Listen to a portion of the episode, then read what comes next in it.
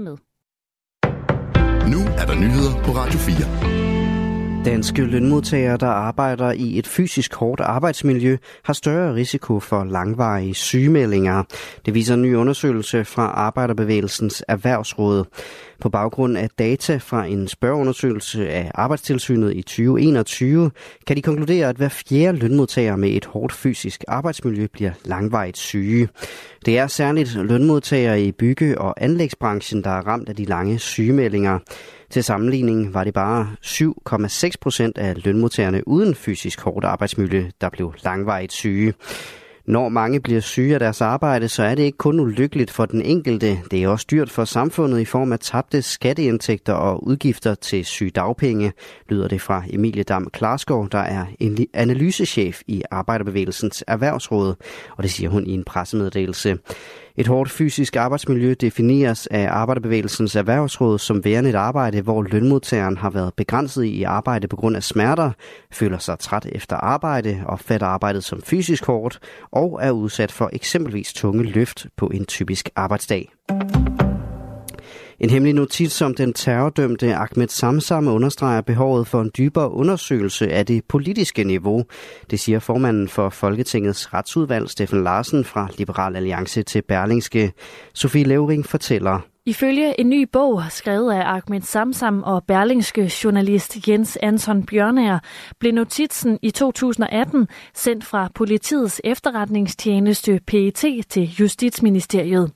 Her stod, at PET og Forsvarets efterretningstjeneste FE på et møde i juli havde aftalt, at Samsam skulle hjælpes til Danmark.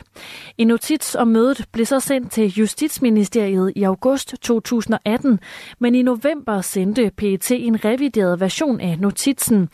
Det hævdes i bogen, at den nye version var identisk med den første, men afsnittet om, at Samsam skulle hjælpes hjem, var væk.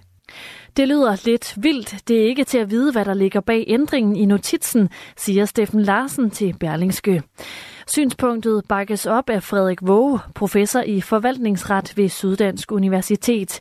Det er jo politisk bestemt, at man ikke vil undersøge det her område, men der er bare så mange uklarheder omkring Justitsministeriets optræden, at det, efter min opfattelse, kalder på en undersøgelseskommission, siger Frederik Våge til Ritzau. For lidt over to måneder siden blev SVM-regeringen og SF enige om, at Samsam-sagen skal undersøges. Det gælder dog primært efterretningstjenester ministernes eventuelle ageren i sagen, og altså ikke det politiske niveau, og herunder Justitsministeriets ageren. Enhedslistens retsordfører Rosa Lund og Dansk Folkepartis retsordfører Peter Kofod mener, at oplysningerne fra bogen gør, at den nuværende aftale om en undersøgelse ikke er tilstrækkelig. Den afdøde russiske oppositionspolitiker Alexei Navalny's mor og advokater er blevet afvist ved kapellet i byen Salikhard. Det skriver hans talskvinde på det sociale medie X. En af hans advokater blev bogstaveligt talt skubbet ud, skriver hun. Hun skriver videre, at personalet ved kapellet ikke vil fortælle, hvor Navalny's lig befinder sig. Det er altså uklart, om det er i det pågældende kapel.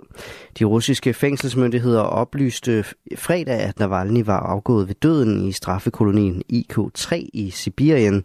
Siden fik hans familie og stab at vide, at Navalny's lig var blevet flyttet til et lighus i den nærliggende by Salekart. Israel vil iværksætte en landoffensiv mod Rafah i Gaza i næste måned, hvis Hamas ikke har befriet de tilbageværende gisler, når den muslimske højtid Ramadan starter. Det siger Benny Gantz, der er en del af det israelske samlingsregering. Verden skal vide, og Hamas' ledere skal vide, at hvis vores gisler ikke er hjemme til ramadan, vil kampene fortsætte alle vegne herunder Rafah-området, lyder det fra Gans, der er tidligere stabschef i det israelske militær. Ramadan starter den 10. marts i år. Israel har i længere tid troet med at iværksætte en landoffensiv i Gaza, men har ikke tidligere sat dato på angrebet mod byen, hvor størstedelen af de 1,7 millioner fordrevne palæstinenser har søgt tilflugt. Af frygt for massedød har udenlandske regeringer og nødhjælpsorganisationer gentagende gange opfordret Israel til at skåne byen. Gråvejr de fleste steder i dag, og perioder med lidt regn, dis eller tåge. Stedvis kan der dog komme korte kig til solen. Temperaturer op mellem 3 og cirka 8 grader. Det var nyhederne her på Radio 4 med Asbjørn Møller.